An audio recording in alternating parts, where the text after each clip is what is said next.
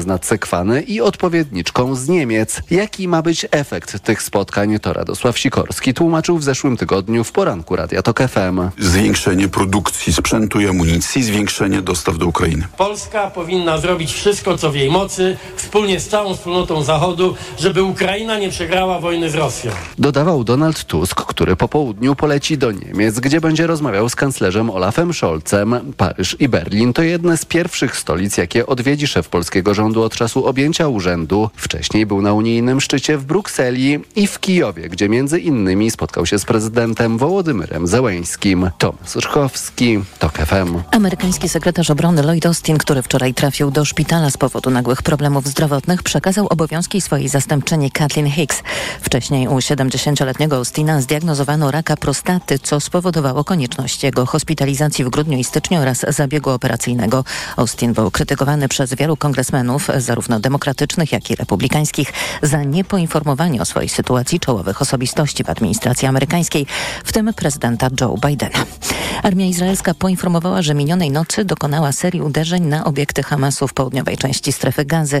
Według strony palestyńskiej w ataku na miasto Rafah zginęło co najmniej 50 osób. Nad ranem służby Izraela podały, że udało się uwolnić właśnie w Rafach dwóch izraelskich zakładników uprowadzonych przez Hamas podczas ataku na Izrael 7 października. Słuchasz informacji TOK FM. Ministerstwo Edukacji rozpoczyna prekonsultacje w sprawie odchudzenia podstaw programowych. Resort planuje wykreślić do 20% programu w zależności od przedmiotu. Chce w ten sposób ulżyć nauczycielom i uczniom, którzy od lat narzekają na zbyt wiele niepotrzebnych treści w szkołach.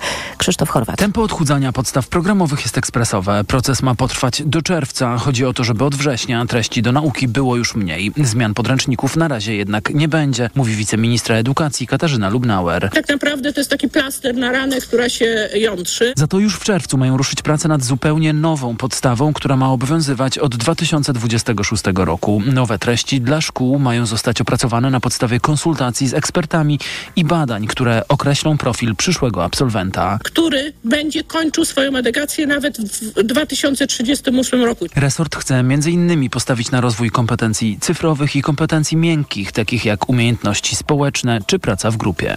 Krzysztof Chorwat, TOK FM. Kolejne informacje o 7.20. Za chwilę poranek Radia TOK FM i Dominika Wielowiejska. Wcześniej prognoza pogody.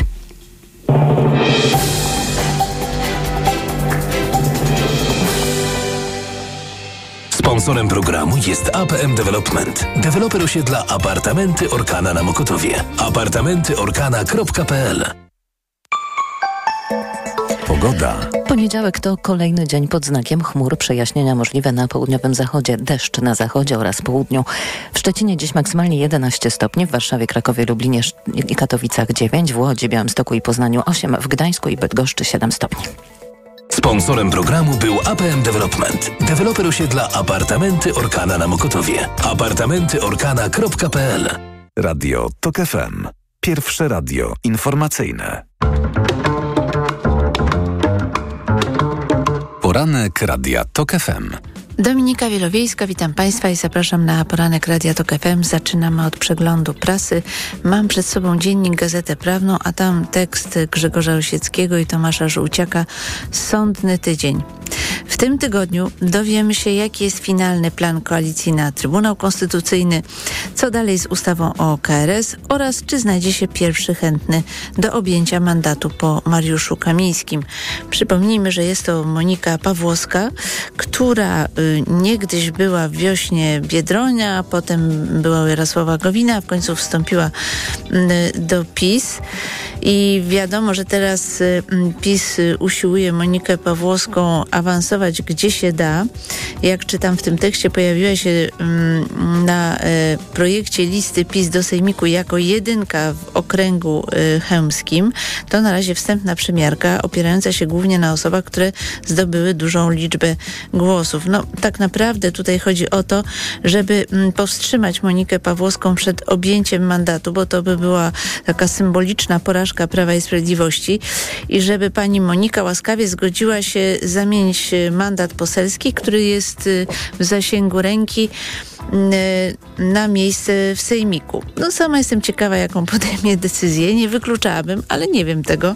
Nie wykluczałabym, że mandat obejmie i po prostu odejdzie z PiS, bo zwracam uwagę, że jeśli chodzi o PiS, to sytuacja przed wyborami samorządowymi nie jest najlepsza. Na stronie Onetu jest taka symulacja dotycząca wyników wyborów, y, właśnie wyborach samorządowych do sejmików. No i wiele wskazuje na to, że Koalicja Obywatelska przeskoczy Prawo i Sprawiedliwość, odniesie tutaj y, zwycięstwo. Donald Tusk już zaczął objazd y, po kraju. W Newsweeku czytam mm, m.in. felieton Andrzeja Stankiewicza. Tym razem redaktor Stankiewicz poświęcił trochę czasu y, Platformie Obywatelskiej. Z roli etatowego zbawcy ludu antypisowskiego dał się Rafał Trzaskowski zredukować do pozycji włodarza rozkopanej ponad miarę stolicy. To nie rokuje. Stankiewicz pisze, Donald Tusk na ostatniej prostej jednoosobowo zerwał negocjacje z Lewicą w sprawie wspólnego startu w wyborach samorządowych. Nawet jeśli Tusk nie kierował się chęcią uprzykrzenia losu Trzaskowskiego, a całkiem tego wykluczyć nie można, o czym za chwilę, to prezydent stolicy stanie się główną ofiarą jego decyzji, poza samą Lewicą, rzecz jasna. Chodzi o to, że po decyzji Tuska Lewica musi wystartować w wyborach y, sama. No jest w trudnej sytuacji, będzie musiała rzeczywiście walczyć, a mm, przede wszystkim tę walkę podejmie w dużych miastach. Mm, I w tej sytuacji y, właśnie Magdalena Biejat będzie przede wszystkim jako kandydatka lewicy w Warszawie podgryzać Rafała Trzaskowskiego, co może osłabić y, jego szanse na zwycięstwo w pierwszej turze. No a to z kolei y, oznaczałoby pewien regres w przypadku Rafała Trzaskowskiego, bo przypomnijmy, że w poprzednich wyborach samorządowych y, został prezydentem Warszawy już y, w pierwszej turze. I Cankiewicz pisze, że Rafał Trzaskowski naciskał na premiera, aby zawiązał przed wyborczą koalicję z lewicą, e, ale bezskutecznie. No właśnie dlatego chciał tej y, koalicji, żeby jednak nie było tutaj podziału, żeby głównym kandydatem, kontrkandydatem był Tobiasz Bocheński, bo to by rzeczywiście ułatwiło Trzaskowskiemu walkę o reelekcję. No oczywiście Stankiewicz stwierdza, że Trzaskowski wygra i tak te wybory. Mm, e, nie ma wątpliwości, tylko właśnie jest kwestia tego, czy w pierwszej, czy w drugiej turze. I tutaj dwa słowa polemiki z Andrzejem Stankiewiczem, bo mm, Andrzej Stankiewicz jakby eksponuje to, że y, Donald Tusk tutaj nie ma chemii z Rafałem Trzaskowskim. Otóż wydaje mi się to zupełnie drugorzędne, dlatego że decyzja Tuska y, w sprawie samodzielnego startu w wyborach samorządowych ma zupełnie inne powody. Nie, nie jest to kwestia Trzaskowskiego i Warszawy, gdzie Trzaskowski i tak wygra, tylko istota rzeczy sprowadza się do tego, że Donald Tusk zobaczył w sondażach, iż Koalicja Obywatelska prześciga PiS. A skoro prześciga PiS, to będzie to jednak dosyć prestiżowa, e, prestiżowy sukces i Tuskowi wcale nie jest potrzebne do takiego sukcesu, żeby dzielić się tym zwycięstwem e, z lewicą. Chce, aby ten sukces poszedł tylko i wyłącznie na konto koalicji obywatelskiej. No, z całym szacunkiem mm, dla rozmaitych analiz, kto kogo lubi w koalicji obywatelskiej, wydaje mi się, że jednak te elementy są w tym przypadku kluczowe. Po prostu Tusk y, chce zwycięstwa i chce zwycięstwa koalicji koalicji obywatelskiej i nie chce się tym sukcesem dzielić z lewicą. Nie jest jakoś to specjalnie dziwne. Andrzej Sankiewicz y, pisze o tym, że mm, w otoczeniu Andrzeja Dudy, czy także wśród y, polityków i rządzącej koalicji i PiS, zresztą mówi o tym Marek Sawicki, panuje przekonanie, że wystartuje sam Donald y, Tusk w wyborach prezydenckich. Tego nie wiem. Myślę, że tutaj jednak nie ma jeszcze żadnej decyzji. Renata Grochal pisze o sytuacji w Prawie i Sprawiedliwości mm, i wskazuje na to, że y, Kaczyński czuje zagrożenie ze strony potencjalnych delfinów. Mówię oczywiście o tekście w Newsweeku. Słowa Mateusza Morawieckiego o tym, że zamierzał biegać się o szefostwo mm, Prawie Sprawiedliwości wywołały przy Nowogrodzkiej sporą nerwowość. Podobnie jak rosnące ambicje Przemysława Czarnka, który na posiedzeniu klubu wprost zakwestionował wolę prezesa i powiedział, że PiS nie powinno głosować za odwołaniem wicemarszałka Sejmu Krzysztofa Bosaka z Konfederacji. Taka niesubordynacja zdarzyła się pierwszy raz, a przyboczni prezesa odebrali to jako podważanie jego przywództwa. Nowogrodzka pilnie śledzi podróże Czarnka po kraju i próby budowania poparcia w strukturach, ale ludzie prezesa zapewniają, że wrogie przejęcie PiS jest niemożliwe. Przynajmniej na razie. Statut i pozycja Kaczyńskiego jest taka, że jeśli będzie kandydował na prezesa, a ja uważam, że tak, to zostanie wybrany. Gdyby nie wystartował, wskazałby y, kandydata, a ten kandydat wygra, mówi y, ważny polityk Prawa i Sprawiedliwości. Ja bym tutaj dorzuciła oczywiście, że prezes na żadną emeryturę się nie, nie wybiera i chce być y, liderem tego ugrupowania tak długo, jak się da. Natomiast sytuacja, w której mm, mamy oto dwóch delfinów rywalizujących ze sobą, z jednej strony mm, Mateusz Morawiecki, a z drugiej strony mm, Przemysław y, mm, Czarnek ma swoje dobre strony dla Jarosława Kaczyńskiego, bo co to oznacza? Oznacza, że żaden z nich póki co nie jest w stanie zdobyć dominującej pozycji Jarosław Kaczyński spokojnie może rozgrywać sytuację i patrzeć, jak oni walczą ze sobą, a aparat pisowski, choć może być krytyczny wobec różnych rzeczy, które Jarosław Kaczyński opowiada i które na pewno nie przydają nowych wyborców PiSowi, no to jednak dojdzie do wniosku, że aby zachować jedność partii, to potrzebny jest y, Kaczyński, a nie wojna między, mm, między Morawieckim a Czarnkiem. Chciałam jeszcze zajrzeć y, do Gazety Wyborczej na pierwszej stronie Bartosz Wieliński pisze: Polska, Niemcy i Francja mają wspólnie przeciwdziałać rosyjskim farmom troli, które uaktywniają się przed czerwcowymi wyborami do Parlamentu Europejskiego. Nie dla dezinformacji. To szczyt Trójkąta Weimarskiego. Dziś do Paryża przylatuje premier Donald Tusk, który spotka się z prezydentem Emmanuelem Macronem, a po rozmowach uda się do Berlina na spotkanie z Olafem Scholzem. W tym samym czasie w pałacu w La Selle Saint-Claude, e, e, Saint-Cloud pod Paryżem na szczycie Trójkąta Weimarskiego będą rozmawiać ministrowie spraw zagranicznych Polski, Francji i Niemiec.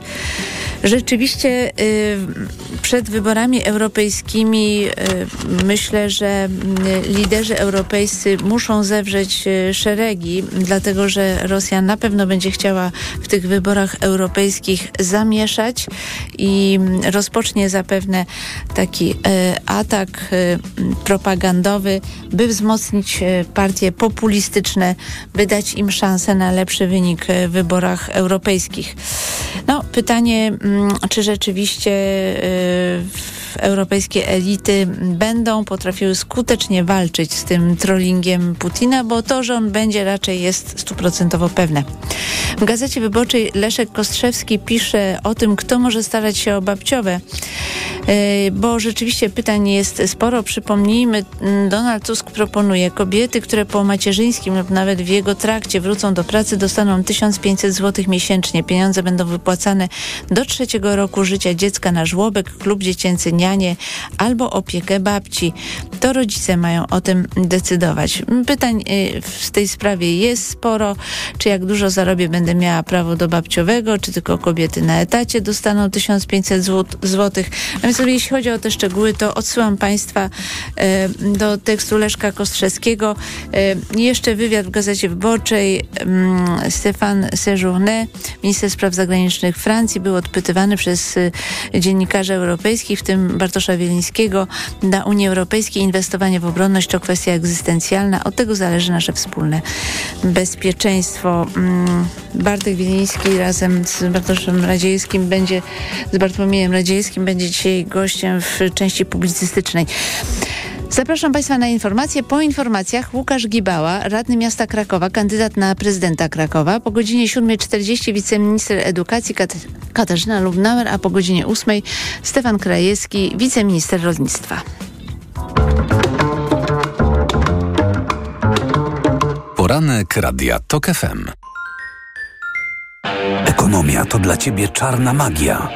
Masz kapitał i nie wiesz jak go zainwestować? Gubisz się w pomysłach polityków na gospodarkę. Magazyn EKG w TOK FM. Wyjaśniamy, informujemy i podpowiadamy. Od poniedziałku do piątku, po dziewiątej. Na program zaprasza sponsor PTWP, organizator Europejskiego Kongresu Gospodarczego w Katowicach. Reklama. RTV Euro AGD. Czyszczenie magazynów w euro. Wielka kulminacja produktów w przecenie. iPhone 13. Pamięć 128 giga. Najniższa teraz ostatnich 30 dni przed obniżką to 3099. Teraz za 2999 zł. I aż 30 raty 0% na cały asortyment. Z wyłączeniem produktów Apple. I do czerwca nie płacisz. RRSO 0%. Promocja latalna do czwartku. Szczegóły i regulamin w sklepach i na euro.com.pl Ekonomia to dla Ciebie czarna magia? Masz kapitał i nie wiesz jak go zainwestować? Gubisz się w pomysłach polityków na gospodarkę? Magazyn EKG w TOK FM. Wyjaśniamy, informujemy i podpowiadamy. Od poniedziałku do piątku, po dziewiątej. Sponsorem programu jest producent hybrydowej Mazdy CX-60. Każda pora roku jest wyjątkowa. Tak jak każdy model Audi. I tak jak legendarny napęd Quattro, który sprawdza się na drodze już od 40 lat o każdej porze i w każdych warunkach. Sprawdź wyjątkową ofertę na modele z rocznika 2023, dostępne także w bezkonkurencyjnym finansowaniu Audi Perfect Lease. Zapraszamy do salonów i na audi.pl. Audi. Tworzysz obrazy? Studiujesz sztukę? A może znasz obiecującą twórczynię lub twórcę? Krupa Art Foundation zaprasza młodych malarzy i malarki do udziału w międzynarodowym konkursie CAF Young Art Prize. Trzy główne nagrody po 12 tysięcy euro, honoraria dla pozostałych finalistów i wystawa w czerwcu we Wrocławiu. Na zgłoszenia czekamy do 31 marca. Szczegóły na krupaartfoundation.pl Przed Państwem wyczekiwane egzemplarze dzisiejszej wyprzedaży. Suwy Forda, Puma i Kuga. O, już sprzedane? Fordy Puma i Kuga w mocnej limitowanej wyprzedaży rocznika z korzyścią finansową do 39 tysięcy złotych. Takie okazje nie lubią czekać. Zapraszamy do dealerów Forda i na Ford.pl. Jestem Monika. Otworzyłam salon stylizacji paznokci. Teraz wszystko w moich rękach. Ale przyda się pomoc na dłoń. A w Banku Millennium mogę dostać nawet 1000 złotych premii za przelewy do ZUS. Otwórz konto Mój Biznes w Banku Millennium i zyskaj do 1000 zł w promocji za przelewy do ZUS. Warunki promocji zawarte są w regulaminie promocji 1000 zł zwrotu za opłacanie składek ZUS, która trwa do 8 kwietnia 2024 roku. Opłaty, szczegóły i regulamin dostępne są na stronie banku. Bank Millennium. Inspirowany Tobą. Reklama. Radio TOK FM. Pierwsze radio informacyjne. Informacje TOK FM. 7.21 Marta Perchuć-Burzyńska. Zapraszam w związku z trwającymi ćwiczeniami sił NATO. Spodziewajmy się wzmożonego ruchu pojazdów wojskowych. Kolumny pojazdów będą przemieszczały się niemal we wszystkich województwach autostradami, drogami ekspresowymi i drogami krajowymi. Wojska rosyjskie wystrzeliły wczoraj na cele w różnych rejonach Ukrainy 45 irańskich dronów. Władze Kijowa informują, że 40 z nich zestrzelono. W niektórych miejscach w związku z atakami wybuchły pożary, a spadające odłamki uszkodziły kilka budynków. Policja wyjaśnia szczegóły zdarzenia, do którego doszło przed granicą z Ukrainą w Dorochusku. Według ustaleń rolnicy zatrzymali trzy ukraińskie ciężarówki i wysypali zboże na jezdnię. 46% badanych jest za zniesieniem zakazu handlu w niedzielę, a jego utrzymanie popiera 44%. Nigdy jeszcze różnica między tymi grupami nie była tak niewielka, informuje dziś Rzeczpospolita. Więcej o tym także na tok.fm.pl. A teraz sport. Informacje sportowe. Michał Waszkiewicz, zapraszam. Piotr Żyła tuż za podium w zawodach Pucharu Świata w Lake Placid. To indywidualnie najlepszy występ polskiego skoczka w tym sezonie. Zawody wygrał Austriak Stefan Kraft już po raz ósmy tej zimy i umocnił się na prowadzeniu w klasyfikacji generalnej. Drugie miejsce egzekwo zajęli wczoraj Niemiec Filip Raimund i sobotni zwycięzca Słoweniec Lauro Kos. Aleksander zniszczał po szóstym miejscu w sobotę, wczoraj był dziewiąty. Świetny występ Natalii Siedorowicz na Mistrzostwach Świata w biatlonie w Nowym Meście. Polka zajęła najwyższe w karierze 14 miejsca, Joanna Jakieła była 17 w biegu na dochodzenie. Tytuł obroniła francuska Julia Simon, która w Czechach ma już na koncie trzy złote krążki po tym, jak wygrała też sprint i sztafetę mieszaną. Druga była wczoraj Włoszka Liza Vitozzi, a trzecia francuska Justin Breza-Boucher. W biegu pościgowym mężczyzn znów trzy medale dla Norwegii, ale po sprincie miejscami zamienili się Johannes B. i Sturla Legreit. To B był tym razem pierwszy. Brąz wywalczył ponownie Wetle Christiansen, Konrad Badacz był 31. Szwedka Anna Sven Larsson wygrała zaliczany do alpejskiego Pucharu Świata slalom w Soldeu w Andorze. Drugie miejsce zajęła Chorwatka Zrinka Lutic, a trzecia była Amerykanka Pola Molcan. Slalom panów w Bansku został odwołany w połowie pierwszego przyjazdu z powodu deszczu. Zamieniamy śnieg na trawę. Jagiellonia Białystok nowym liderem Ekstraklasy po pierwszej kolejce w tym roku. Jaga wygrała w Łodzi z Widzewem 3 do 1, mówi trener Adrian Siemieniec. Cieszymy się, że wygraliśmy na, uważam, e, bardzo trudnym terenie, bo to był trudny, intensywny mecz z przeciwnikiem dobrze przygotowanym do tego spotkania od strony taktycznej i na pewno mm, kosztowało nas to też dużo wysiłku takiego mentalnego i no, pewnych korek w przerwie, ale cieszę się, że no, przede wszystkim wytrzymaliśmy intensywność tego spotkania i idziemy dalej. Tyle samo punktów co Jagiellonia Białystok ma Śląsk Wrocław, który wczoraj przegrał z Pogonią Szczecin 0 do 1. Trzeci w tabeli jest Lech Poznań po sobotnim zwycięstwie nad Zagłębiem Lubin 2 do 0. Barcelona tylko zremisowała z Grenadą 3 do 3 i do Realu Madryt, który w hicie pokonał drugą w tabeli Girone aż 4 do 0 traci 10 punktów. W drugim meczu ligowym z rzędu gola strzelił Robert Lewandowski, a w Premier League popis Arsenalu, który w derbowym meczu pokonał na wyjeździe West Ham United aż 6 do 0. Teraz w TOK FM prognoza pogody.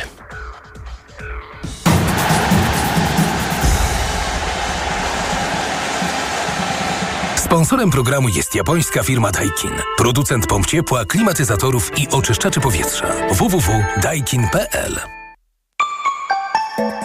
Pogoda. W ciągu dnia większe przejaśnienia na południowym zachodzie, poza tym pochmurno i deszczowo, zwłaszcza na zachodzie i południu. Od 3 stopni na Podhalu i 6 miejscami na północy do 9 w centrum i 10 na południu kraju. Sponsorem programu była japońska firma Daikin. Producent pomp ciepła, klimatyzatorów i oczyszczaczy powietrza. www.daikin.pl Radio TOK FM. Pierwsze radio informacyjne. Poranek Radia TOK FM. Dominika Wielowiejska, witam ponownie. Gościem Radia Tok FM jest Łukasz Gibała, radny miasta Krakowa, niezależny kandydat na prezydenta Krakowa. Dzień dobry, witam. Dzień dobry. Sondaże dają panu pierwsze miejsce w tym wyścigu o fotel prezydenta Krakowa. Być może pańskim kandydat, kontrkandydatem będzie e, Aleksander Miszalski, pewnie będzie też e, kandydat e, z PiS. Czy wierzy pan, że ten sondaż to dobry znak? No zdecydowanie tak. Mamy całą serię sondaży, w których faktycznie jestem na pierwszym e, miejscu. No bardzo się z tego cieszę. Uważam, że to jest efekt e, ciężkiej, konsekwentnej, wieloletniej pracy na rzecz Krakowa, nie tylko mojej, ale przede wszystkim moich współpracowników, ekspertów, z którymi współpracujemy, członków Stowarzyszenia Kraków dla Mieszkańców. No i to zawsze cieszy, jak mieszkańcy doceniają tę ciężką pracę, doceniają to, że pomagamy im, że na przykład prowadzimy bezpłatne porady prawne, z których skorzystało już ponad 10 tysięcy osób e, w ostatnim czasie, czy że pomagamy im na przykład ale... w walce o zieleń, czy o postawienie ławki. Za chwilę będziemy chodnika. właśnie rozmawiać y, o konkretnych problemach, ale chciałam się na chwilę jeszcze zatrzymać przy polityce. Otóż um, był pan przecież kiedyś y, bardzo zdecydowanym liberałem wolnorynkowcem. Odszedł pan z PO, bo twierdził pan, że um, Platforma zdradziła ideały liberalne, a teraz tu nagle popiera pana posłanka partii Razem, Daria Gosek-Popiołek. Czy pan zmienił poglądy? Nie, zdecydowanie nie. Dalej jestem liberałem, ale inna sprawa, że mm, moje poglądy, tak jak poglądy każdego rozsądnego człowieka, oczywiście w pewnych kwestiach ewoluują, no bo mm, zawsze warto mm, konfrontować swoje poglądy e, z, rzeczywistością. Natomiast jak chodzi o gospodarkę, to ja mam zupełnie inne poglądy niż partia e, Razem. E, łączą nas tematy miejskie. Wspólnie na przykład walczyliśmy o to, żeby w Krakowie powstał całodobowy punkt opieki intymnej, taki po prostu gabinet ginekologiczny i urologiczny, w którym pracowaliby lekarze bez klauzuli sumienia. Jak do tej pory się tego jeszcze nie udało osiągnąć, ale liczę, że po zwycięstwie to wprowadzimy. Wspólnie też walczyliśmy o to, że miasto przestało wyprzedawać mieszkania komunalne. Tych mieszkań brakuje, a pomimo tego Jacek Majchrowski w tej kadencji, która się kończy, sprzedał ich ponad 700. Wspólnie walczyliśmy o zieleń, więc to są tematy miejskie, które nas łączą. Jak chodzi no to... o gospodarkę, to mamy zupełnie mhm. inny pogląd. Mm, rozumiem. E, ale jeśli chodzi o, nie wiem, stosunek do deweloperów, do inwestycji, czy tutaj nie będzie różnic między wami? Nie. E, I zarówno pani poseł Daria Gosek-Popiołek, jak ja uważamy, że w Krakowie potrzebne są nowe inwestycje, ale że ten rozwój powinien być dużo bardziej niż do tej pory zrównoważony, rozsądny. To nie może tak być, że deweloperzy stawiają nowe osiedla blok przy bloku, bez miejsc parkingowych, bez zieleni, bez szkół, bez żłobków. To miasto musi ingerować i tu rzeczywiście ja uważam, że tu jest rola władz publicznych. To nie jest tak, że możemy wszystko puścić na wolny rynek. No tutaj Tomasz, bo oczywiście nie, nie będzie miał pewnie pan poparcia całej lewicy, bo y, czytam wypowiedź Tomasza Leśniaka, lewicowego aktywisty, który mówi, że dla niego to jest wielkim rozczarowaniem, że razem y, wsparła pana w tych wyborach. Przecież niosła na sztandarach hasło Polska dla milionów, nie dla milionerów. Y, I przecież y, mm, pan kiedyś wspierał podatek liniowy. W związku z tym ta decyzja mm, pani poseł Gosek-Popiołek jest niezrozumiała. No i Leśniak zarzuca także panu wydawanie bardzo dużych pieniędzy na kampanię wyborczą. Ma pan swoją y, firmę y, i w związku z tym ma pan o wiele większe możliwości finansowania tej kampanii. No to to są dwa tematy.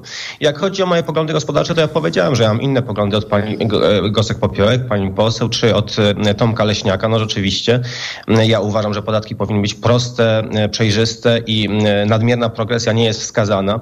Możemy szukać kompromisu. Być może na przykład taka progresja, taki podatek progresywny, jak obecnie jest wskazany, jest, jest, jest takim kompromisem, natomiast dalej bym się nie posuwał. A kiedy rzeczywiście popierałem podatek liniowy, gdyby dzisiaj takie postulaty się pojawiły, to też uważam, że warto to rozważyć, ale jestem gotowy na taki kompromis. A jestem ciekawa obecny. pańskiego zdania, tak już na zasadzie dygresji. Co pan sądzi o y, wolnych niedzielach od handlu? No ja uważam, że y, to był zły ruch PiSu. PiS, jak wiemy, de facto już praktycznie tych niedziel nie ma, zakazał handlu w niedzielę, a ja uważam, że ludzie powinni mieć prawo do tego, żeby, e, jeśli ktoś chce, żeby spędzać ten czas na przykład nie w kościele, tylko w galerii handlowej, chociaż ja oczywiście uważam, że są jeszcze lepsze sposoby spędzania czasu, e, warto ten czas spędzić z rodziną. Natomiast nie przemawiają też do mnie te argumenty, że to jest jakaś krzywda dla pracowników. Pewnie i pani redaktor, i ja pracujemy często w niedzielę, to jest nasza decyzja i podobnie e, jest z tym handlem. No, ci ludzie, którzy by pracowali w, i którzy pracują w sklepach w niedzielę, dostają za to dodatkową dodatkowe pieniądze, bo to są wtedy zupełnie inne stawki, znacznie wyższe niż w dzień roboczy. I jestem przekonany, że część z tych ludzi chciałaby pracować w niedzielę i że to nie jest dla nich żadna krzywda. No, dziennikarze Gazety Wyborczej Magdalena Kursa i Michał Olszewski no, przedstawili panu taki poważny zarzut. Mówią tak e, w tej rozmowie, którą mieli państwo w Gazecie Wyborczej. Mimo, że jest pan kandydatem z zielonym sztandarem nad głową, robi pan unik w sprawie strefy czystego transportu. Czy to nie jest populizm? Zobaczył pan, że wyborcy nie popierają strefy i uchylił się od jasnej deklaracji w tej sprawie, chociaż wcześniej wielokrotnie krytykował pan miasto za opieszałość w działaniach na rzecz czystego powietrza. Uśmiecham się, bo mm, no, ja bym nie nazywał populizmem tego, że ktoś ma e, słuch społeczny, że jest wrażliwy na głosy e, mieszkańców, a rzeczywiście bardzo dużo osób protestuje przeciwko takiej wersji strefy, jaką e, chce wprowadzić Jacek Majchrowski, a w zasadzie już chyba trzeba powiedzieć, jaką chciał wprowadzić, bo sąd w ogóle uchylił, nie wiem czy pani wie, sąd uchylił tę uchwałę, co też jest argumentem za tym, że to chyba nie był dobry projekt, bo jakby był dobry, to sąd by go nie uchylał. Moim zdaniem potrzebny jest kompromis między tymi, którzy tak jak ja chcą rzeczywiście czystego powietrza i którzy chcieliby, żeby tych starych diesli w Krakowie, bo to głównie one trują, jak chodzi o smog komunikacyjny, było jak najmniej, którzy chcieliby też, żeby wreszcie zakazać palenia e, węglem w obwarzanku, bo w Krakowie już się węglem nie pali, ale pali się wokół Krakowa i ten smog napływa z tych gmin ościennych do Krakowa. Ale z drugiej strony są ci, którzy podnoszą, że nie chcą być transportowo wykluczeni, że nie stać ich dzisiaj na wymianę nowych samochodów i potrzebny jest w związku z tym kompromis. Ale wie pan, transportowe wykluczenie oznacza coś innego, że ktoś mieszka w bardzo małej miejscowości i nie może się dostać komunikacją e, państwową, miejską do, do pracy, a nie że musi jeździć starym gratem, który, niż, który po prostu zatruwa powietrze.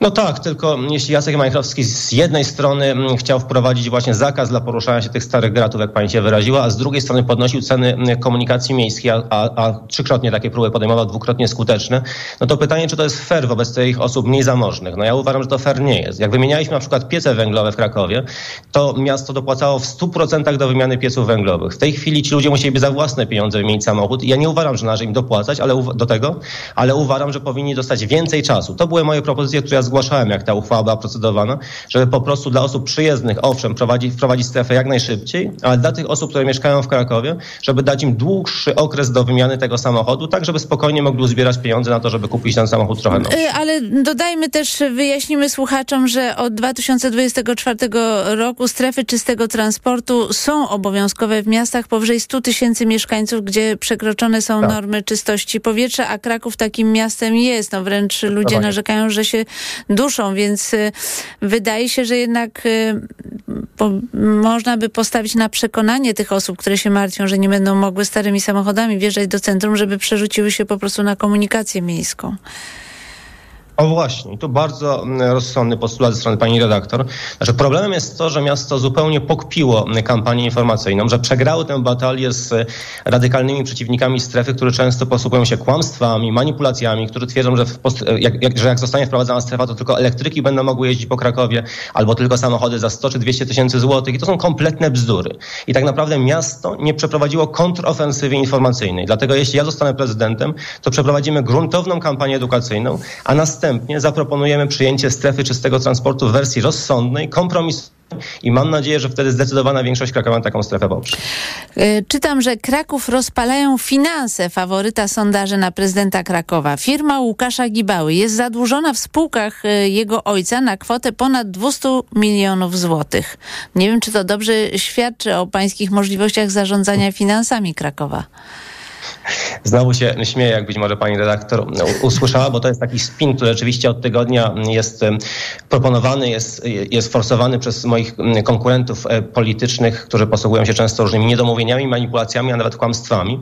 Bo to jest tak, że ja rzeczywiście mam firmę. Ta firma zajmuje się głównie produkcją filamentu. Może wyjaśnię słuchaczom, bo część może nie wiedzieć. Filament to jest coś, co się wkłada do drukarki 3D. E, To jest taka żyłka nawinięta na szpulę, no i z, z, z, tej, z tej żyłki powstają potem różne przedmioty wykorzystywane w różnych mm, dziedzinach życia. No i my produkujemy te filamenty bardzo wysokiej klasy, eksportujemy je do 70 krajów. Jestem z tego dumny, że towary z e, napisem Made in Poland e, e, są przez nas produkowane i, i przynoszą chlubę naszemu krajowi. No ale jak pani pewnie wie, każda firma, zwłaszcza firmy innowacyjne, szybko się rozwijające, rozwijają, rozwijają się poprzez inwestycje. No i my planujemy taką inwestycję i w związku z tym zaciągnęliśmy rzeczywiście taki kredyt inwestycyjny, pożyczkę inwestycyjną. Planujemy wybudować właśnie nową halę, nową fabrykę w strefie ekonomicznej koło Krakowa. Nie ma w tym moim zdaniem żadnej sensacji. Wszystkie firmy tak robią, że po prostu biorą pożyczki, rozwijają się w ten sposób, a to wcale nie świadczy, że taka firma jest w złej sytuacji finansowej, wręcz przeciwnie. Niegdyś y, opinia publiczna interesowała się faktem, że pańskim wujem jest Jarosław Gowin. Tak się zastanawiam, czy dzisiaj jakoś będzie panu pomagał w tej kampanii. No przepraszam, ale no nie, no, wszyscy, którzy mnie znają, wiedzą e, dobrze, że rzeczywiście kiedyś byliśmy bardzo dawno razem e, e, w Platformie, ale już wtedy byliśmy po opozycyjnych stronach, bo ja jestem liberałem, tak jak to powiedziałem, jak, tak jak pani zauważyła. Jarosław Gowin jest zatwardziałym konserwatystą, dlatego niestety wylądował też pra praktycznie w PiSie, no był koalicjantem teoretycznie, ale tak naprawdę głosował tak jak PiS. Mnie jest trochę głupio i przykro, nie wypada krytykować członków rodziny, no ale, ale jest mi trochę wstyd za, za, Ale za na spotkaniach Gowina. rodzinnych nie rozmawiacie o polityce. criança No nie, no nie utrzymujemy kontaktów. Przyznam się, że, że po tym jak on wstąpił do PiSu, to ja te kontakty ograniczyłem. Wiem, że to, to może nie świadczy o mnie też jakoś super, bo, bo powinni, się być w stanie rozdzielić e, politykę i rodzinę, ale mi jest jakoś trudno to rozdzielić, bo jakoś mam do niego duży żal o to, że, że zgodził się być taką marionetką PiSu, że popierał te różne fatalne rozwiązania, które niszczyły Polskę. No jest mi po prostu wstyd i głupio i cieszę się, że jest już na politycznej emeryturze, bo myślę, że to jest lepsze i dla niego, e, żeby się już dalej nie kompromitował i też dla, dla, dla, dla kraju najlepiej będzie, jeśli już przejdzie na tą emeryturę. Więc nie, Jarosław Gowin nie będzie mi w żaden sposób e, pomagał, w żaden sposób nie współpracujemy. Łukasz Gibała, radny miasta Krakowa, kandydat na prezydenta Krakowa, był gościem Radia Tok FM. Bardzo dziękuję za rozmowę. Dziękuję serdecznie i pozdrawiam słuchaczy. Za chwilę informacje, a po informacjach wiceminister edukacji narodowej Katarzyna Lubnauer. Poranek Radia TOK FM. Reklama. Stylowy i nowoczesny. Lexus UX. Świetnie wyposażony. Lexus UX. Już od 1090 zł netto miesięcznie dla przedsiębiorcy? Tak, teraz crossover Lexus UX dostępny jest już od 1090 zł netto miesięcznie w najmie Kinto One z wpłatą własną jedynie 10% i krótkim terminem odbioru. Wybierz doskonały rocznik w doskonałej racie. Lexus. Elitarny w każdym wymiarze. Sprawdzaj biedronkowe oszczędności na walentynki. Do środy. Czekoladki Merci od 210 do 250 gramów. Drugi tańszy produkt 50% taniej z kartą Moja Biedronka. Limit dzienny 4 opakowania, maksymalnie 2 z rabatem na kartę. Oraz róże 40 cm 11 sztuk. 6,99 za bukiet z kartą Moja Biedronka. A wszystkie produkty do makijażu i pielęgnacji paznokci. Drugi tańszy produkt za złotówkę z kartą Moja Biedronka. Limit dzienny 4 produkty, maksymalnie 2 za złotówkę na kartę. I to są dobre powody, by iść do Biedronki.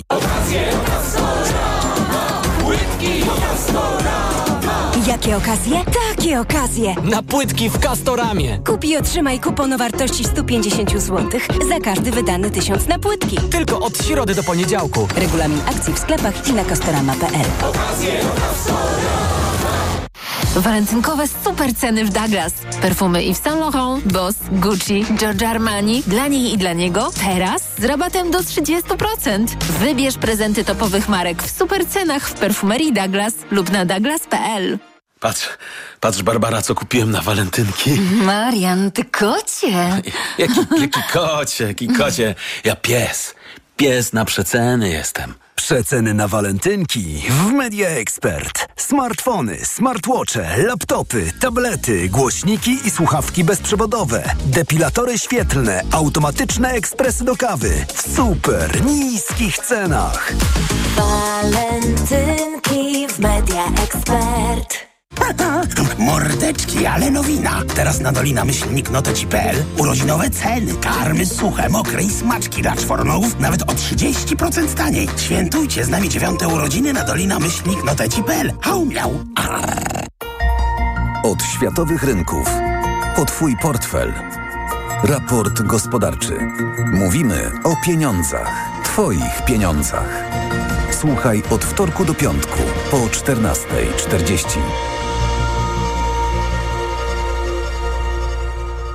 Sponsorem programu jest dostawca systemu do oceny wiarygodności płatniczej kontrahentów Big Infomonitor www.big.pl. Teraz w Lidlu milion złotych do wygrania w Lidl Loterii i co tydzień 25 tysięcy złotych, a co godzinę bon na zakupy o wartości 500 złotych. Zrób zakupy w Lidlu za minimum 99 złotych z wyłączeniem artykułów wskazanych w regulaminie. Zarejestruj paragon na lidloteria.pl i zachowaj go do losowania. Miliona złotych! Dlatego zakupy robię w Lidlu. Loteria trwa od 5 lutego do 29 marca. Regulamin oraz informacje o artykułach wyłączonych z akcji na lidloteria.pl i smoler.pl. Technologia bliska sercu w MediaMarkt. Głośnik Bluetooth JBL Charge 5. Taniej o 70 zł. Najniższa cena przed obniżką 649 zł. Teraz za 579 zł. A smartfon Motorola Edge 40. Taniej o 200 zł. Najniższa cena przed obniżką 1599 zł. Teraz za 1399 zł. Dostępne też w 40 ratach. RRSO 0%. I do sierpnia nie płacisz. Kredyt udziela Bank BNP Paribas po analizie kredytowej. Szczegóły w sklepach i na MediaMarkt.pl. MediaMarkt. Reklama. Radio TOK FM. Pierwsze radio informacyjne.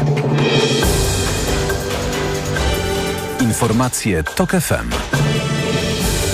7.40 Marta Perchuć-Burzyńska, zapraszam. Trwają poszukiwania polskiej lekarki wolontariuszki porwanej ze szpitala w południowym Czadzie przez nieznanych sprawców. Polskie służby dyplomatyczne i konsularne są na miejscu i pozostają w stałym kontakcie z miejscowymi władzami oraz z rodziną porwanej. Ukraińska obrona powietrzna zestrzeliła ostatniej nocy 14 z 17 irańskich dronów oraz pocisk rakietowy wystrzelony przez armię rosyjską. Wczoraj wieczorem szef Charkowskiej obwodowej administracji wojskowej powiadomił, że region został zaatakowany rakietami S-300 nie było ofiar w ludziach. Sekretarz obrony Stanów Zjednoczonych trafił do szpitala na oddział intensywnej terapii. Obowiązki przekazał swojej zastępczyni Kathleen Hicks. U 70-letniego Lloyda Austina zdiagnozowano wcześniej raka prostaty, przez co w grudniu i styczniu przebywał już w szpitalu, gdzie przeszedł operację. Aleksander Sztub wygrał drugą turę wyborów prezydenckich w Finlandii. Były premier i kandydat obecnej partii rządowej liberalno-konserwatywnej Koalicji Narodowej zdobył 51,7% głosów. Pokonał Pekkę Havis, to polityka Zielonych i byłego ministra spraw zagranicznych. Pogoda. W ciągu dnia większe przejaśnienia na południowym zachodzie, poza tym pochmurno i deszczowo, zwłaszcza na zachodzie i południu, od 3 stopni w górach i 6 stopni miejscami na północy do 9 w centrum i 10 na południu. Radio TOK FM. Pierwsze radio informacyjne. Poranek Radia TOK FM. Dominika Wielowiejska, witam ponownie. Gościem Radia Tok FM jest Katarzyna Lubnauer, sekretarz stanu w Ministerstwie Edukacji Narodowej. Dzień dobry pani minister. Dzień dobry pani redaktor, dzień dobry państwu. Co się będzie działo z, y, z podstawą programową, bo ma być odchudzona? Rzeczywiście już od 1 września wejdą nowe, odchudzone podstawy programowe. Dzisiaj dokładnie zaczynają się prekonsultacje, czyli zespoły skończyły pierwszy etap swojej pracy, 17 zespołów, ponieważ odchudzane są wszystkie przedmioty ogólnokształcące, które kończą się egzaminem na któryś z etapów, czyli albo na, w szkole podstawowej, albo w szkole ponadpodstawowej, poza takimi jak e, biznes i zarządzanie, który jest nowym przedmiotem, który wszedł dopiero od, bodajże od roku, czy od dwóch. W związku z tym e, to, to, to jest duża bardzo praca, przy czym nie zmienia się wymiar godzin, który będzie dla wszystkich przedmiotów w szkołach, tylko zmienia się zakres materiału. Zależy nam na tym, żeby e, w przyszłości uczniowie pracując na tych samych podręcznikach, bo nie będą zmieniane podręczniki, mieli mniej trochę tej wiedzy, żeby nauczyciele mieli więcej czasu na przećwiczenie z nimi tej wiedzy. Czyli żeby nauczyciel mógł dłużej, więcej czasu poświęcić trudniejszemu tematowi, żeby mógł wrócić i powtórzyć tematy, które są ważne z punktu widzenia dalszej nauki. To dobrze, żeby bardzo mógł... kompleksowo, bo to wynika z tego, że w zasadzie większość przedmiotów będzie tak, dokładnie tak. ograniczoną. E, I w, tej chwili, w tej chwili te prekonsultacje przez tydzień jest tak, że można wysyłać swoje uwagi, są umieszczone informacje dotyczące tego, co się dzieje w każdym z przedmiotów, w każdym z tych 17 zespołów, mm, a potem będzie jeszcze przez trzy dni prekonsultacje takie o charakterze już bardziej interaktywnym, ale to dla ograniczone do pewnej grupy interesariuszy, czyli do tam środowisk nauczycielskich i do środowisk pewnych organizacji współpracujących, między innymi z Komisją Edukacji Sejmu. I potem znowu zespoły siądą do tych, do tych podstaw programowych mając te uwagi od społeczeństwa. I kolejne konsultacje już dłuższe będą po tym etapie pracy drugim zespołu. Chcemy, żeby to wszystko się działo przy otwartej kurtynie i, to i w obecności. W I to wchodzi w życie 1 września 2024 roku.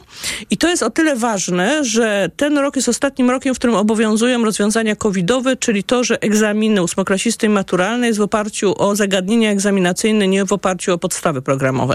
W przyszłym roku będzie już w oparciu o te odchudzone podstawy programowe Ale egzamin. maturzyści, ośmioklasiści mają się bać w przyszłym roku? Czy... No właśnie robimy wszystko, żeby się nie bali.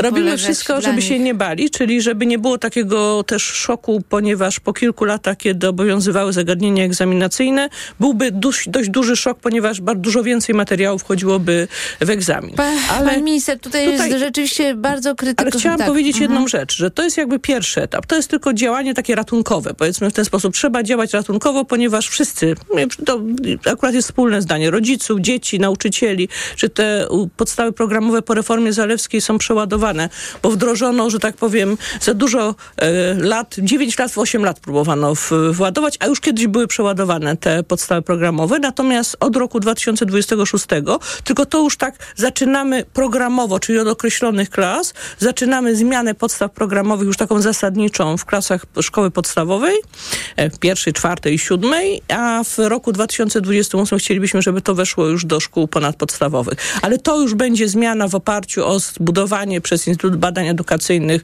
wspólnie z ekspertami sylwetki absolwenta. To już będzie taka zmiana, która ma przesunąć realnie minister, polską edukację do XXI nadal, wieku. e, nie tylko przez PiS krytykowana jest ta zasada, że nie trzeba będzie odrabiać lekcji w klasach 1-3, a w, w starszych klasach to też będą te e, ograniczenia. Zobaczymy, co będzie z e, szkołami ponadpodstawowymi, że jednak nauczyciel powinien mieć jakieś minimum e, swobody tutaj, jeśli chodzi o zadawanie tych prac. Może nie za dużo, ale to, że tak surowa reguła to wylanie dziecka z kąpielą. W tej chwili to rozporządzenie też podlega konsultacjom. Być może ono jeszcze będzie delikatnie zmieniane, ponieważ po to są konsultacje między innymi, żebyśmy dowiedzieli się, co myślą I tam jest eksperci, co myślą... że tam chodzi o pisemne prace i chodzi o to, że nie mogą być oceniane. Jasno, tak, bardzo jasno. My nie zakazujemy pracy prac domowych. My mówimy, że w klasach od czwartej do ósmej te prace domowe e, mają być nieobowiązkowe i nieoceniane. Nie ma innej części, która tak bardzo różnicuje dzieci jak prace domowe.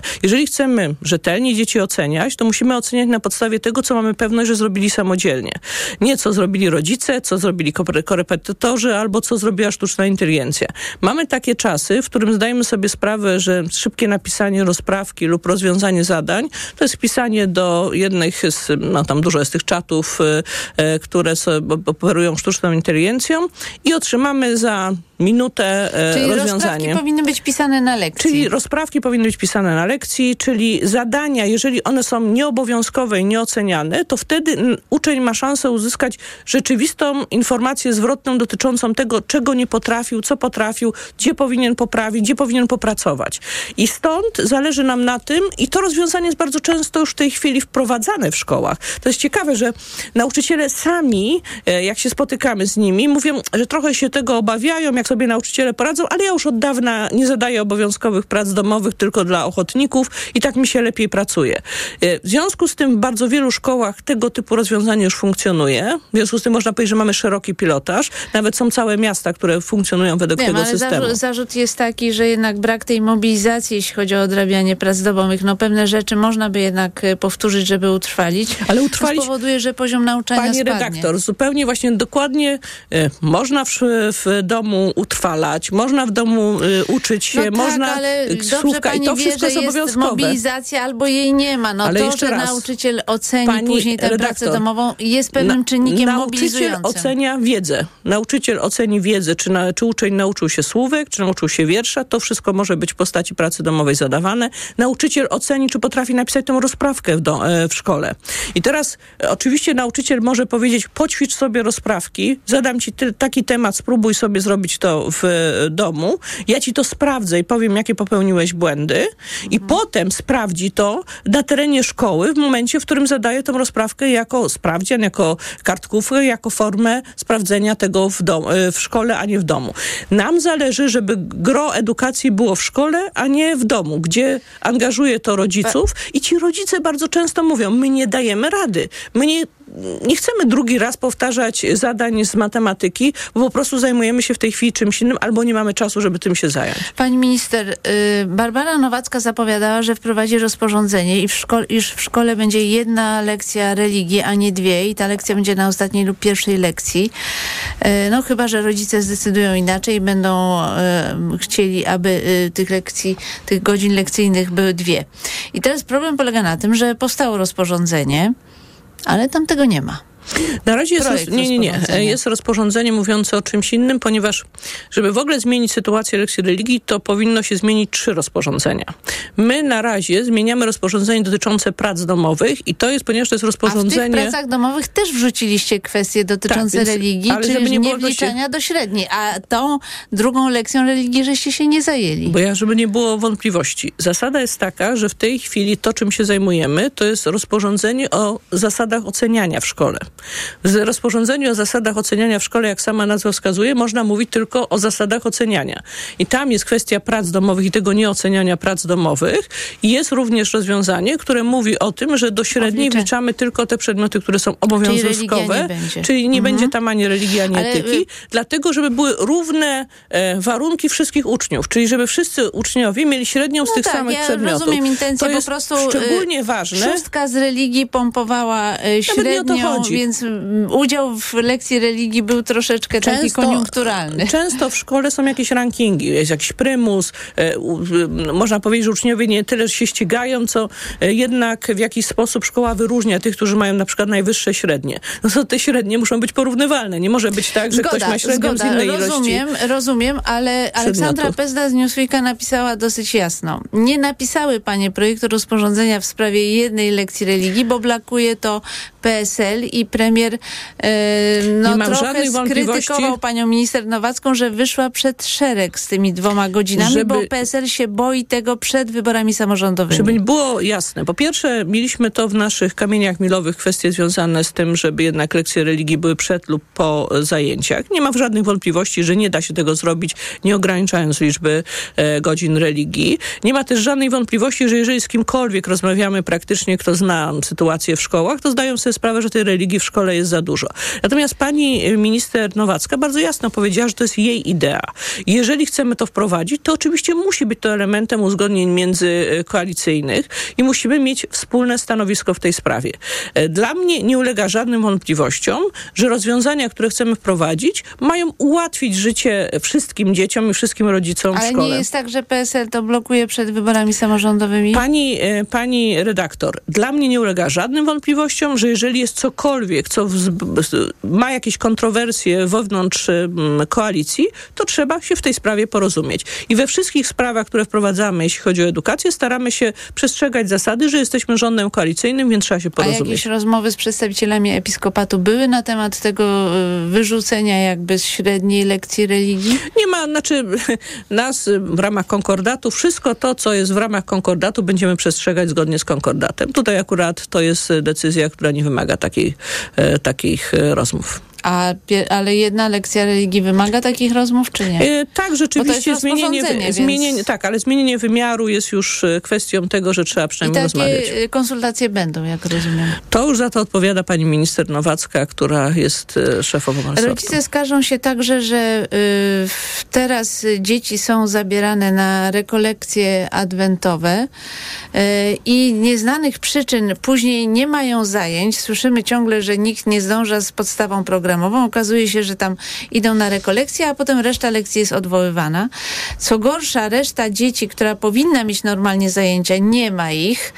Y, No, muszę powiedzieć, że tutaj zebrałam dużo głosów y, y, rodziców bardzo krytycznych wobec tego układu, bo tam po prostu te dzieci siedzą w świetlicy. To jak to będzie z tymi rekolekcjami? Czy to nie lepiej byłoby, żeby one były po prostu po południu? One mogą już być po południu i szczerze mówiąc, one powinny być po południu. A w ciągu dnia natomiast, normalne lekcje, A w tak ciągu dnia normalne lekcje. spodziewają. Natomiast jeśli chodzi o wątek, który się tam pojawia, podstaw programowych, to przypominam, że od 1 września będą już odchudzone tak, rozumiem, podstawy ale programowe. chodzi o to, że na przykład y, y, dzieci, które nie idą na rekolekcje, zamiast mieć normalne Ale zajęcia, tak nie jak musi mnie pani prawo przekonywać, wymaga. zgadzam się no, z ale tym. pytanie, co z tym zrobicie? Na pewno będziemy w ramach kompleksowego rozwiązania dotyczącego tego, jak ułożyć lekcje religii zgodnie z konkordatem i zgodnie z interesem dzieci e, rozwiązywać ten problem także. Czyli nie powie pani jak. Jak już powiedziałam, pewne rzeczy wymagają również porozumienia i rozmów wewnątrz koalicji. Rozumiem. Chciałam zapytać y, także o kwestię laptopów, dlatego że PiS mówi, no tak, miały być laptopy, a teraz y, y, Koalicja Obywatelska te laptopy zabiera. Więc wyjaśnijmy. Mm. PiS zawalił kompletnie, dokładnie Ministerstwo Edukacji Narodowej zawaliło przede wszystkim jedną bardzo ważną rzecz. E, My w ramach KPO mamy program dotyczący laptopów dla uczniów i dla nauczycieli, ale on powinien być wpisany w szeroki program, który się nazywa Polityką Transformacji Cyfrowej Edukacji. Ten, e, ta strategia, bo tak ją będziemy teraz nazywać, e, strategia powinna powstać już w roku 2022. W ramach tej strategii powinno być zaplanowane, jaki sprzęt potrzebujemy dla uczniów i w jaki sposób on będzie wykorzystywany. E, Tej strategii nie przyjęto ani w 2022 roku, ani w roku 2023. Ta strategia jest kamieniem milowym. Podobnie jak drugie rozporządzenie dotyczące minimalnych zasobów e, sprzętu w polskich szkołach. Oba te dokumenty dopiero w tej chwili ja przygotowuję. E, W tej chwili już są szerokie prekonsultacje we wszystkich placówkach edukacyjnych w Polsce dotyczące tego, co ma być w tej polityce cyfrowej transformacji edukacji.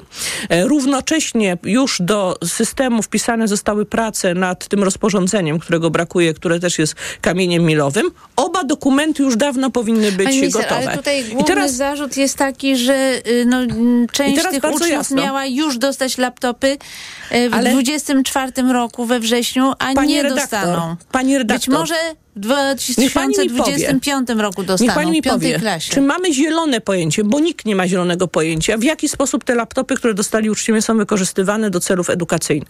One nie mają żadnego oprogramowania edukacyjnego, nie mają żadnych zabezpieczeń, czy są wykorzystywane w sposób, który jest prawidłowy z punktu widzenia A jak pani bezpieczeństwa będzie dziecka. to zabezpieczać w No przede wszystkim pytanie zasadnicze brzmi, czy to w ogóle powinny być laptopy. Dlatego, że laptopy nie ma możliwości potem, żeby uczniowie przynieśli je A do co szkoły mogłoby być zamiast i na przykład wykorzystywali. To będzie badać Instytut Badań Edukacyjnych. Zleciliśmy odpowiednie badania dotyczące tego, jaki sprzęt i w jaki sposób powinien być wykorzystywany dla dzieci. W tej chwili Ministerstwo Cyfryzacji wypuściło taki program Emochrona, który umożliwia rodzicom kontrolowanie tego, co dzieci korzystają, z czego korzystają dzieci w internecie. Tem ten sprzęt nie był zainstalowany, nic nie było, co pozwalałoby na jakąkolwiek e, ochronę dotyczącą tego, czy dzieci nie korzystają z Nie, pornografii, pani minister, czy ja, treści niebezpieczne. ja to wszystko rozumiem i Kolejna uważam to rzecz. za słuszne. Kolejna rzecz. Tam e, Ministerstwo Ale- Cyfryzacji mówi o nieprawidłowościach przy przetargu. Nie możemy pozwolić na sytuację, w której e, Komisja Europejska jednoznacznie powiedziała, że nie będzie refinansować tamtych laptopów, bo one są niezgodne z KPO. W sytuacji, w której nie ma strategii, która pozwoliłaby wpisać je w ogólną ideę cyfryzacji edukacji, w momencie, w którym nikt nie wymyślił, jak edukacyjnie te laptopy powinny być wykorzystywane i w momencie, w którym realnie rzecz biorąc dano zabawki przed wyborami, a nie coś, co byłoby Rozumiem, ale można to przedstawić inaczej. Oczywiście ten program z laptopami czy z tabletami, cokolwiek to będzie, wymaga poprawek, ale mimo wszystko jest kwestia tego, że rodziny mniej zamożne po prostu w ogóle nie mają żadnego sprzętu i Wyjaśnijmy to sobie. jest jakiś Polsce rodzaj według badań GUS-u 83% domów, z, ponad 83% domów z dziećmi posiada sprzęt y, taki jak laptopy. W związku z tym, realnie rzecz biorąc, właśnie o to mam między innymi pretensje do poprzednich władz Ministerstwa Edukacji, że nikt nie zbadał, jakie są rzeczywiste potrzeby. Realnie rzecz biorąc, jednemu rocznikowi wręczono laptopy bez pomysłu, jak wykorzystać je w edukacji. I co więcej, jeszcze w dodatku są nieprawidłowości przy przetargu, które musi wyjaśnić Ministerstwo Cyfryzacji, bo przetargiem zajmuje się Ministerstwo Cyfryzacji i z tego co wiem zostały złożone e, do prokuratury zgłoszenie podejrzenia jakichś nieprawidłowości. Wiceminister Edukacji Narodowej Katarzyna Lubnauer była gościem Radia Tok FM. Bardzo dziękuję pani minister. Dziękuję bardzo. Za chwilę informacje, a po informacjach Stefan Krajewski, sekretarz stanu w Ministerstwie Rolnictwa, Polskie Stronnictwo Ludowe. Poranek Radia TOK FM. Reklama. Jak wskazuje raport Otomoto z lipca 2023 roku, używane Toyoty serwisowane w autoryzowanych stacjach obsługi osiągają średnio o 13% wyższe ceny ofertowe niż serwisowane w innych warsztatach,